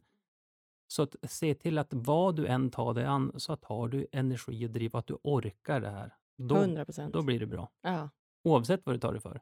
Nej, men helt sant. Då behöver man inte vara liksom, som du säger, bäst, bäst, bäst, bäst, bäst varje, varje, varje, varje gång. Utan så länge du gör det aktivt hela tiden och driver den här förändringen framåt, då, då kommer det hamna något bra. Superbra. Eh, jag fick ett eh, tips av en gammal chef som heter Stefan för flera år, jag minns inte ens hur många år sedan det var som jag tagit med mig jättemycket, att eh, någonstans är det så att om jag inte har empati, att jag lyssnar in den här människan, den människan kommer mest troligt att säga sitt problem, men inte sitt grundproblem. Mm.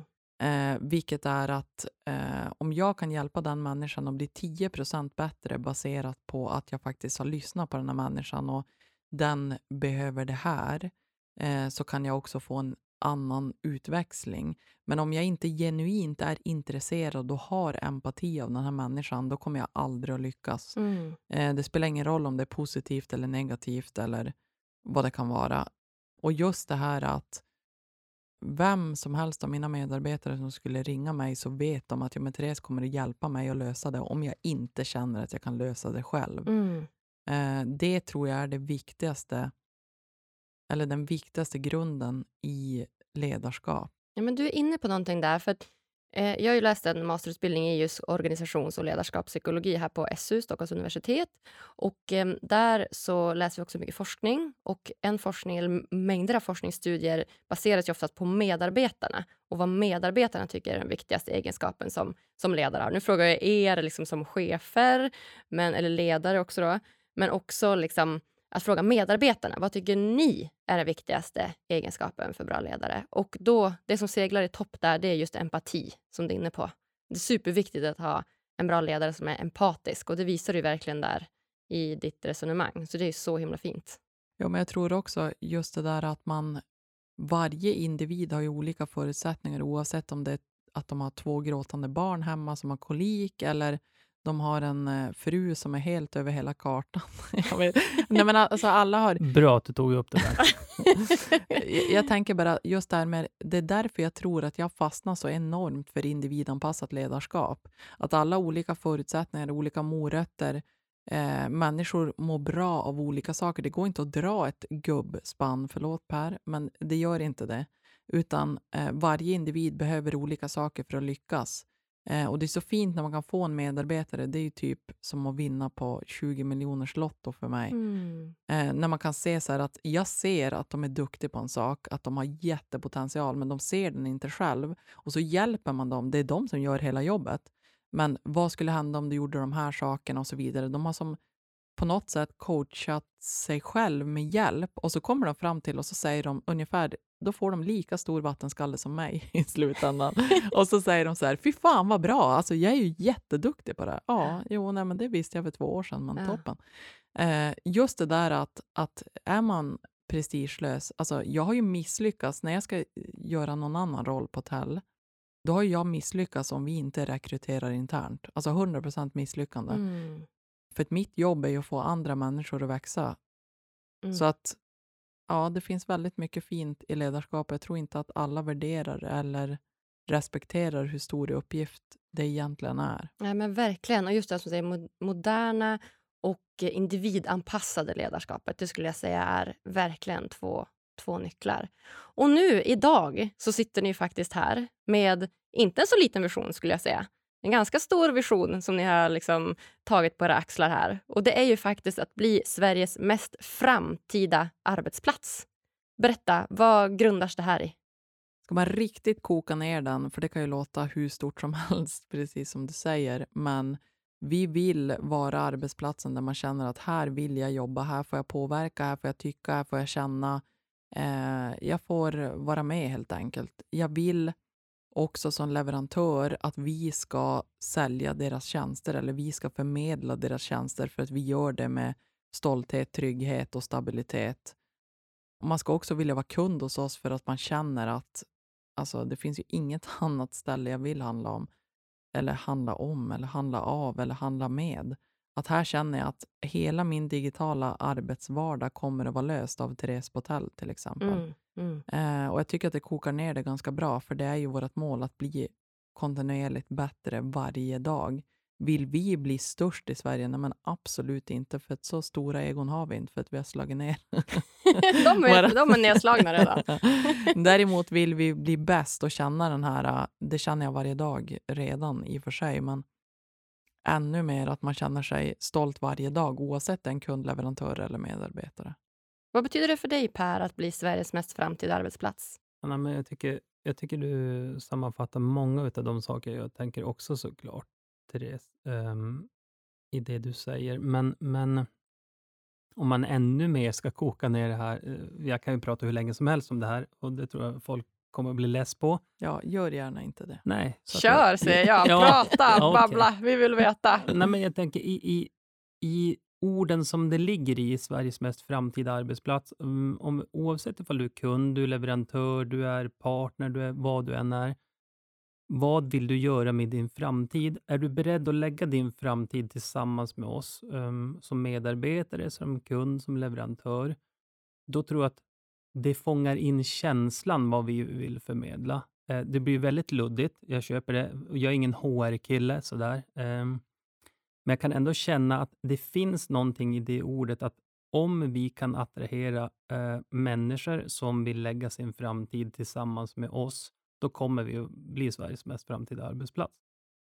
Om vi ska koka ner det liksom till några konkreta, liksom, konkreta punkter som ni, som ni har liksom ändrat liksom, sen ni liksom startade den här visionen. Så här, nu ska vi ha visionen att bli Sveriges mest framtida arbetsplats. Har ni några såna punkter eller konkreta saker som ni har gjort för att sträva eller komma dit? Ja, det är jättekul, men vi har ju ändrat precis allt. Alltså vi, det här är, då behöver vi ett helt nytt poddprogram. Men, men vi, vi har gjort allt um, från grunden och det, det låter kanske sjukt um, och säga att, men jag tror att vi är ett helt nytt företag. Um, bara i vårt mindset och det här det går inte att koka ner. Det går inte att koka ner i några punkter vad vi har gjort, för det är så genomgripande. Och det låter också som en vattenskalle-klyschgrej, men det är det inte. Men jag tror att det måste vara genuint och det måste vara jätteomfattande att göra en, en, den typen av förändring som man vill åstadkomma. För det, Therese har rätt i det när hon säger att vi var eh, ett supergubbigt företag och eh, ett klassiskt säljbolag. Alla nu chansar vi på att det är en del stockholmare som lyssnar på det här.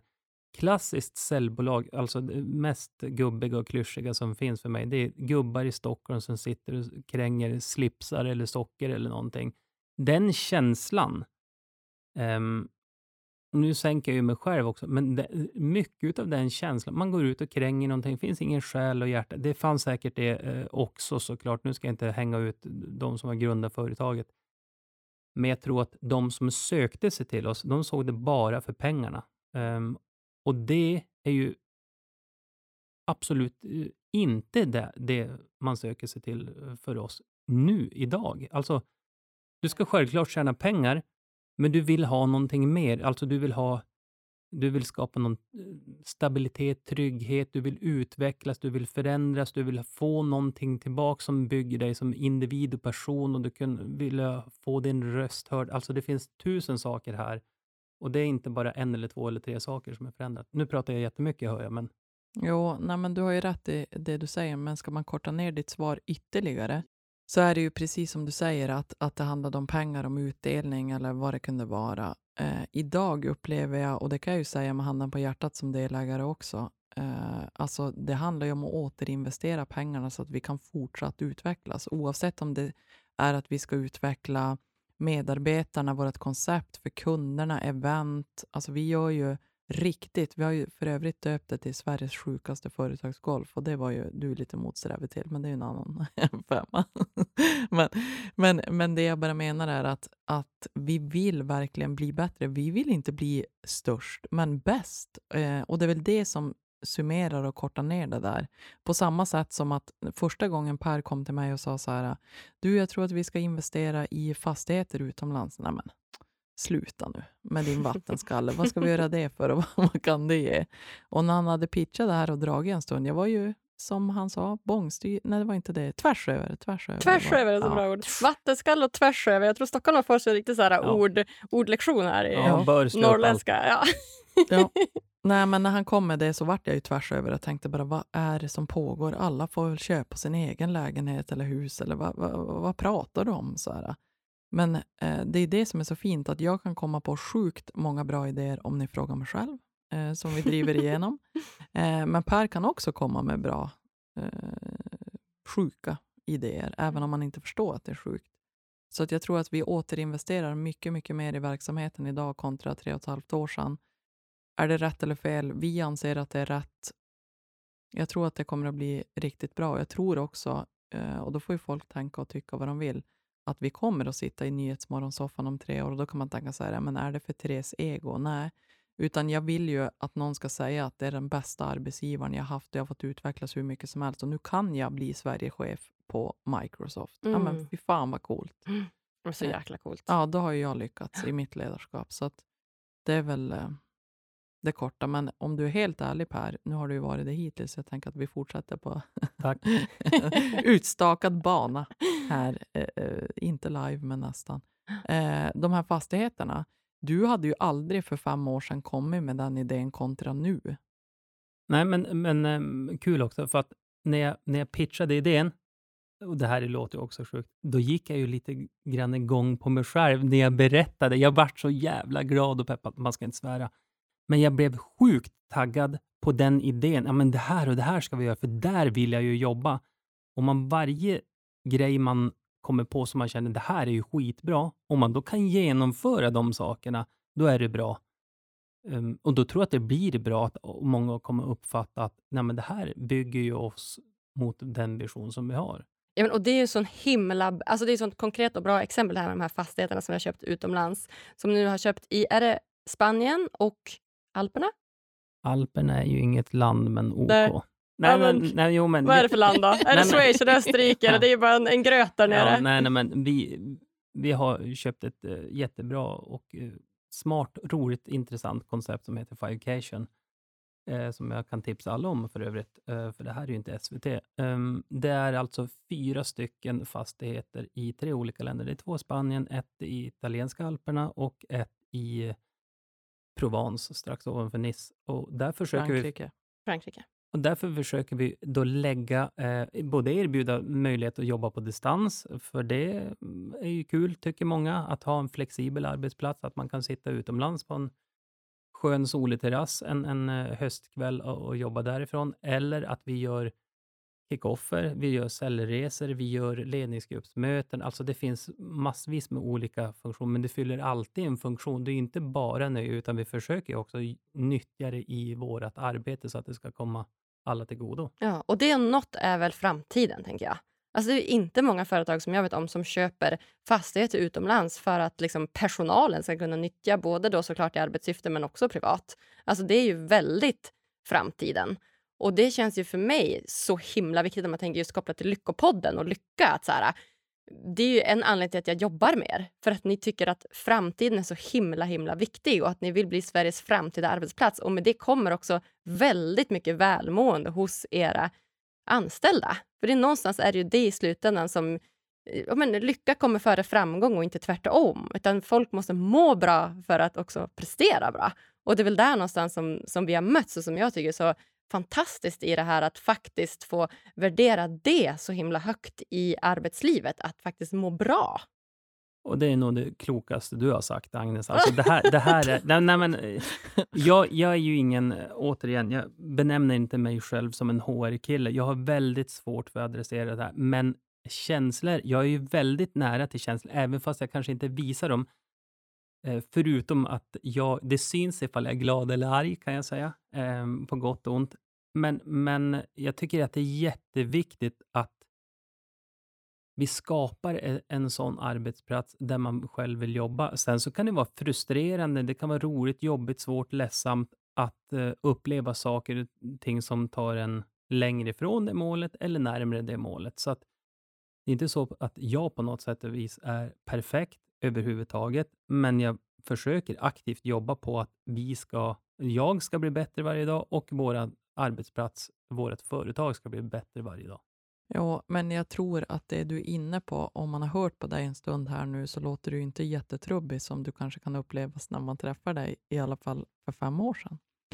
Verkligen inte. Ja. Nej, men, men det jag menar som jag tror är jätteviktigt på en arbetsplats, att oavsett om det är att eh, idag, precis som du och jag pratade om sist Agnes, så är ju psykisk ohälsa någonting som är jättestort. Att du då från den här gubbkulturen och eh, är väldigt gammal Oj, vad kul. eh, eh, kan känna så att nej, men vi ska absolut eh, ta hit Agnes så hon får föreläsa om lycka eller välmående eller hur man skapar en bra arbetsmiljö kontra att jag säger att vet du, eh, jag behöver inte alls gå till någon psykolog för att jag är fullt frisk och fungerande och du bara eh. alltså, jag vet inte rätt. Jag tror att vi ska kanske boka in någon tid kanske. Eh, så att, jag menar bara, det är fint att eh, alla 30 plus som jobbar eh, i bolaget idag är egentligen superolika. Alla olika förutsättningar. Vissa mår bra, vissa mår dåligt, men det gör ju alla människor. Mm. Och att arbetsgivare inte överlag kan se det eller för oss är det ju knappt en kostnad. Alltså det är ju en kostnad, men missförstå mig rätt. Det är ju en, en, eh, en kostnad som är investerad för att göra det bättre. För den människan, för bolaget, för kunderna, vem det än är. Men det blir bättre.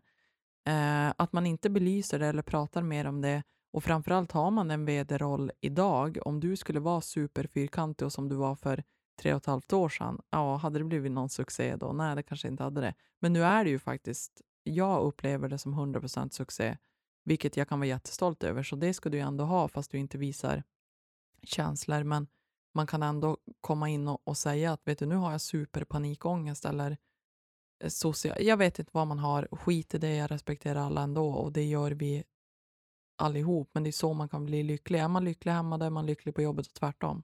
Ja, men det är ju så. Och just den biten att faktiskt du hade ju dina issues och din panikångest, äh, panikångestattacker och att du ändå Per någonstans var förstående med det och visste om det och stöttade Therese i det och hjälpte henne med det och försökte liksom få henne att, att komma ja, men förbi de stadierna. Liksom, oavsett om det är liksom arbete privat eller fritid eller vad det än är så var du väldigt stöd till henne där och hjälpte henne med de sakerna.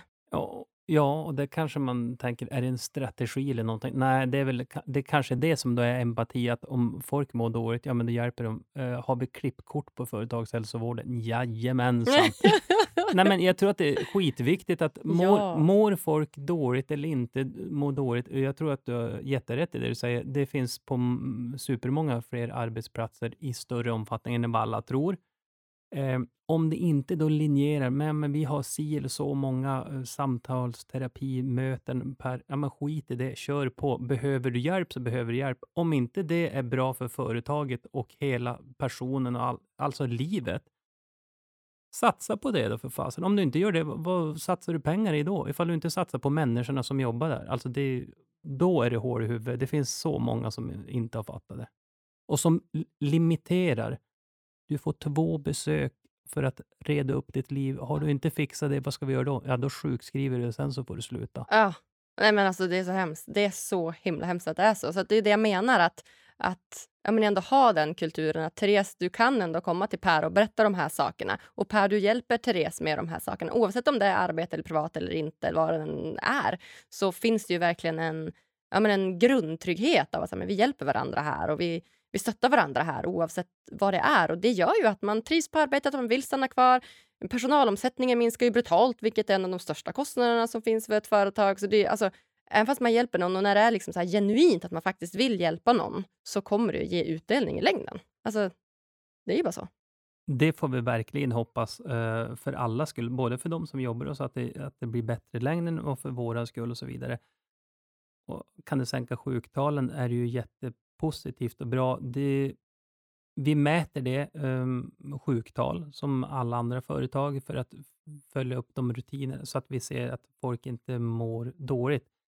Men det är ju inget egenvärde i sig att mäta sjuktal, utan det är ju att se till att mår folk som jobbar hos oss bra? Vill folk jobba hos oss? Det är ju hela grund grundgrejen. Och jag tror att det många företag har missat, um, det är ju någonstans istället för att, att mäta sjukfrånvaro så kan man mäta frisknärvaro. Mm. Alltså, Eh, jag kan ju absolut peka, om, om du Per, om jag bara eh, kopplar till mig själv, hade vi mätt min sjukfrånvaro kopplat till panikångest hade ju inte gett mig så mycket jävlar anamma och här kommer jag anda kontra att, att man har frisk närvaro. Jag, jag tror att det finns så många små detaljer arbetsgivare skulle kunna ändra eh, som faktiskt skulle göra stor skillnad för medarbetarna. Och just det här liksom Sveriges framtida arbetsplats, jag tycker det är så himla bra för att Dels att ni då hela tiden strävar mot att bli liksom framtida, hela tiden framtida, som ni säger. Men det kommer också förändringsarbete, förändringsprocesser. Det är inte enkelt alla gånger. Det kommer sätta lite käppar i hjulet, det kommer knaka, det kommer braka och man kommer... Ska vi göra så här? Ska vi göra si? Men det ger ju också det utrymme att faktiskt testa. Alltså det här är vår mission. Vi står bakom det här. Det är exakt det här vi kommer att, att arbeta mot. Och som ni säger då att ja, det kanske inte passar alla Ibland kanske det passar vissa, ibland inte andra. Men ni har ju ändå det utrymmet att hela tiden vilja, vilja jobba framåt mot framtiden. Och Det tror jag är liksom helt genialiskt idag.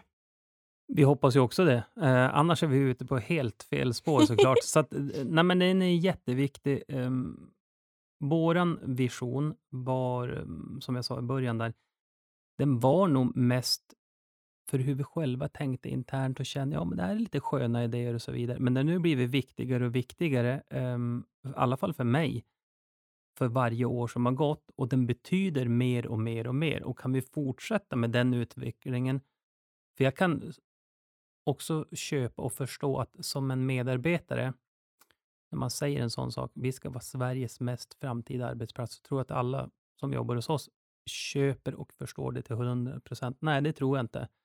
Um, men jag hoppas att med det fortsatt, just det här Petter Stordalen-tänket, jobba kontinuerligt, upprepa det här hela tiden, jobba efter det här varje dag hela tiden, så kommer folk också känna vad det är.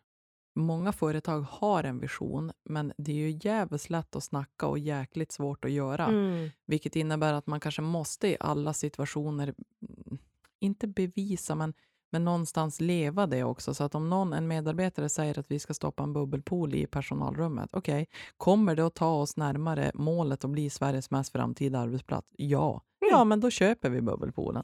Eller är svaret nej, det kommer absolut inte ta oss dit. Nej, men då köper vi ingen bubbelpool. Mm. Alltså, eh, jag, jag, tror att det handlar inte om att en gång i kvartalet ha kvartalsmöten och det är väldigt fyrkantigt, utan man måste ju leva det varje dag i mm. varje beslut. Okej, okay, om vi har en medarbetare som är superduktig administratör hittar vi på, jätte, jätteduktig, men har privata problem hemma i och med en skilsmässa som tar all energi och kraft från henne, att hon kan inte fokusera. Okej, okay, hur kan vi hjälpa den här människan? Om vi gör de här sakerna, vi hjälper med rättsskydd eller vi stöttar och jag följer med, inte vet jag vad det kan vara. Tar det oss närmare? Ja, är svaret. Ja, men då så, gör det då. Mm. Och, och det ska ju också någonstans på sikt föda en trygghet hos medarbetaren. Okej, okay, behöver jag kompensera den här kunden för att eh, simkorten levererades fel av Postnord. Mm. Äh, då kan Häng ju, inte ut dem. nej, ja, fast i Piteå kallar vi dem faktiskt för postmord, men skit i det. men det jag menar är bara, då kan jag ju välja att vara fyrkantig och säga att det är inte vårt fel, det är ju Postnords fel, punkt. Eller så kan jag säga så här, du, om vi kompenserar den här kunden och köper fredagsfika åt dem som du åker och levererar, kommer det att ta oss närmare? Ja, det kommer det att göra. Ja, men gör det då. Mm. Alltså att, att det finns ett, ett mandat att tar det oss närmare, då är svaret ja, då är det bara att köra. Tar det oss inte närmare, då är svaret nej. Alltså det är ganska sunt förnuft enligt oss. Mm. Eh, och det är det jag tror att om de här grundvärderingarna, precis som jag är inne om, att jag och Per kan bråka ihjäl oss till domedagen, men vi grundvärderar varann och respekterar varann, ja men fine. Ehm, för annars upplever jag på mina tidigare arbetsplatser så kanske det sägs att det är så, men i slutändan är det inte så. Kan medarbetare säga också att, att ledningen är superoense, inte att det blir ostabilt eller otryggt, det är inte det jag menar, men att man törs säga vad man tycker och tänker, punkt. Ja men verkligen. Alltså, det här mycket snack, lite verkstad-grejen, det är väl det tvärtom man vill ha. Man vill ju ha liksom mycket verkstad. Det man säger, att om man har en vision, ja, men då ska man ju faktiskt inte bara babbla om att man ska ha en vision, utan du måste ju göra också. Då. Du måste ju liksom ta beslut i den riktningen och faktiskt göra saker som leder en dit framåt. Det, det måste ju linjera med varann. Vi har till exempel en kollega som heter Peter som... Eh, Kul. Jag väntade. han, är, han är superbra, men han är den jag känner. Och det är det här jag vill komma till, att man, man accepterar alla för den de är. Inte den de tror att de är eller påstår att de är, utan för den de är. Och Peter är den som kan ordbajsa alltså mest på hela planeten. Alltså jag känner ingen som kan prata mer än han.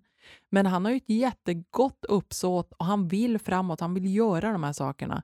Då hjälps man ju åt att okej, okay, vars vill du komma Peter? Vad vill du göra? Ja, men jag vill göra de här sakerna. Bra, tar det oss närmare? Ja, ja men då gör vi det. Alltså, det är det jag tycker är så fint, att, att vi är inte 30 likadana ja-sägare eller vi tycker likadant. Vi är 30 medarbetare med totalt olika egenskaper och det är det som är vår styrka.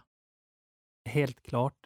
Men jag tycker också att det är viktigt, för, för nu låter det som att vi är världens skönaste företag. Oj, oj, oj, vad gulligt och bra. Och det är, jag, jag vill säga igen, ibland så är vi inte det. Alltså, vi måste också, för att få en, eh, genomdriva den här visionen vi har, då kommer man ta jättemycket svåra, tuffa, tråkiga beslut som folk inte kommer att gilla på för att det går emot deras egna personliga önskemål och visioner.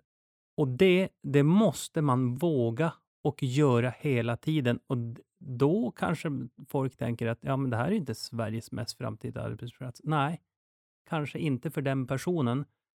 Men för alla andra 30 som är kvar, vi är ju på väg åt det här hållet. Så att jag, jag vill ändå att, det, att vi inte... Det är ju jättefint att vi framstår som världens skönaste företag, men ibland så är vi inte det. Ja, jag tror inte att vi framstår men, men, Ja, vi har en ledning som bråkar. Ja, det är, vi- det är värre än vad vi tror. men, men det du är inne på är faktiskt sant. att om man inte utgår från verksamhetens bästa, alltså laget före jaget, om man bara har ett individuellt driv som man tror att allt ska bli serverat, nej, då tror jag absolut inte att man tycker att vi är Sveriges mesta framtida arbetsplats. Det, det tror jag inte. Känner man däremot att man vill vara med och påverka och förändra och driva en, en resa som faktiskt kan ge så mycket mer, oavsett om det är på personlig utveckling eller bolagsutveckling eller vad det kan vara. Vi jobbar ju, alltså, jag vill inte ens benämna det som att vi jobbar med försäljning längre, utan att vi jobbar med affärsutveckling. Så att eh, finns det människor till allt, 100 procent, det gör det. Men är man öppen, rak och ärlig så kan man också utläsa det. Vi sitter inte och mumbo-jumbar och säger att här är allt dukat och serverat, inga problem och allting bara rullar på. Nej, utan vi har inga tydliga paket eller någonting, utan varje utesäljare till exempel måste gå ut till kunden och lyssna på kunden. Allt handlar om att lyssna, empati, att man är lyhörd eh, och sen att man kan presentera en skräddarsydd lösning baserat på det. Så passar vi alla? Absolut inte. Vill jag passa alla? Nej, men absolut inte heller. Jag vill ju driva en förändring i hela den här branschen. Jag vill ju göra en, en inverkan som är positiv kopplat till lycka. Fantastiskt. Vilka väl valda ord det där Ja, var. alltså nu känner jag varför jag anställt dig, Therese. Du kan ju sätta ord på mina tankar. Exakt. Ja, nej, men det här så gjorde du bra. Tack. Nej men alltså tack, tack. Fint. Jag håller med. Jag känner bara boom, det där var så fin avslutning. Så att, eh, jag har ju en, en liksom, innan vi går in på de sista frågorna så har jag ju en fråga som jag skulle vilja ställa er. Och det är egentligen, jag vill bara ha ett kort svar, ett ord av er egentligen, liksom, båda två. Och eh, ganska snabbt vill jag göra det. Liksom, boom, liksom direkt svara. Och då skulle jag vilja veta, vi börjar med dig Therese. Vad är det bästa med Tell Sverige AB? Att det är genuint. Genuint. Per, vad är det bästa med Tell Sverige AB? Människorna. Människorna. Så himla bra hörni. Jag tycker vi ska börja runda av det här samtalet nu efter en skön en och en halv timme här tillsammans. Som vanligt. Det är svårt att hålla sig under timmen när man pratar med så härliga människor. Va? Herregud. Herregud vad jag babblar på. Jag trodde att det hade gått en kvart. Ja. Att det är den. Det springer iväg. Det gör ju det. Ja, jag har så mycket osagt. Men det tar vi en annan gång. Exakt, det finns mer. Ja, vi får spela in fler poddavsnitt här Ja, det var jätte, jättekul att få vara med. Visst är det roligt? Ja, det var svinintressant att få ventilera så här mycket frågor. Ja. Gud vad kul att Man tänker det. en vända till. Ja, man gör ju det. Verkligen. Och jag tänker att eh, vi ska gå in på de sista frågorna här och eh, Therese, du har ju svarat på de här redan. ja. Så jag tänker att vi hoppar och eh, lämnar över de här sista frågorna till Per som ser lite halvnervös, skakig ut. Fundersam ut. Fundersam, exakt. Och den första frågan är ju då, vad gör dig riktigt, riktigt lycklig? Oj. Ja, det är ju en jättestor fråga. Ehm, det som gör mig riktigt, riktigt lycklig. Ja, men det är fortsatt, det är nog det som jag tycker är viktigast också. Det är människor och när jag kan tillsammans med människor göra en förändring som alla tycker är bra, då blir jag riktigt lycklig. Om det är kunder eller medarbetare eller vad det Mm. kan vara. Det är förändring tillsammans med andra människor. Så fint. Ja, sant i alla fall. Mycket sant. Och eh, vilket skulle du säga är ditt bästa lyckotips till lyssnarna? Mm. Det har faktiskt du gett mig som jag började tänka på sista tiden sen du var uppe och föreläste. Ja. Var tacksam för någonting varje dag. Tänk efter och reflektera över det. Hitta en eller flera saker, men var tacksam. Jag räknar ut baklänges, jag fyller 47 om två veckor och eh, jag räknat ut att jag har 23 bra år kvar, så att nu ska jag vara tacksam för de här 23 bra åren, sen är det klart och betart. 23 år, sen är det klart och betalt. Japp. Shit vad fint att jag kunde få med och, och bidra till det. Det kändes ju jättevackert. Vad fint att du tagit med dig det. Tacksamhet är magiskt. Det är ju det. Ja, nej. Jag tänker att eh, är det något så här slutligen som du känner att du vill dela med dig av till lyssnarna som inte har fått säga än? Jättemycket har jag egentligen att säga då. Men, men jag skulle vilja, alltså en sak som du tog upp tidigare, Therese. Jag skulle vilja göra en uppmaning. Alltså vi söker ju alltid människor på alla orter. Vi vill ha människor som är som oss. Så känner ni att ni har minsta lilla dragning eh, till att vara så här sjuka som vi är. Se till att kontakta oss. Eh, vi- har jättestora ambitioner. Det, Therese skojar och säger att det är en nyhetssoffa om tre år, men eh, det är inte bara skitsnack i det, utan eh, det är det. Och gillar ni att spela golf har vi Sveriges sjukaste golftävling, Tell Invitational. Googla upp det så får ni se på något riktigt sjukt. Alltså jag tror att vi skulle kunna göra rätt, jätteroliga saker oavsett vilken konstellation det är. Det är en, bara en påhälsning, det är en medarbetare, det är en kund, det är en leverantör.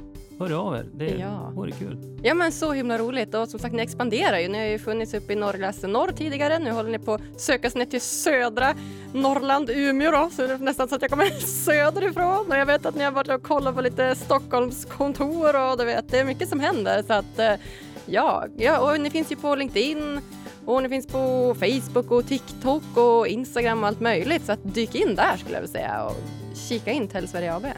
Absolut. Ja, nej, jag säger bara miljoners, triljoners, biljoners tack till dig Per och till dig Therese för att ni kom och gästa mig här på Lyckopodden. Tack. Tack så jättemycket. Alltså bästa tällisarna Per och Therese. Så himla fina. Jag bara älskar deras skämtsamma jargong och deras värderingar i både livet men också på arbetet. Sveriges mest framtida arbetsplats. Bästa, bästa. Uppskattade du också det här avsnittet? Då hade jag blivit mega glad om du ville gå in på Podcaster-appen i din iPhone eller Android-telefon och ge oss så många stjärnor som du tycker det här avsnittet förtjänar. Lämna jättegärna lite kommentar också om du vill det. Och vill du veta mer om mig och få ännu mer lyckotips och inspiration då tycker jag dels att du ska följa vår Instagram, Lyckopodden heter vi där, men eh, också lägga till mig i ditt nätverk på LinkedIn. Agnes Sjöström heter jag där. Då lovar jag dig att du inte kommer missa några som helst lyckotips. Vi hörs på tisdag igen. Puss och kram!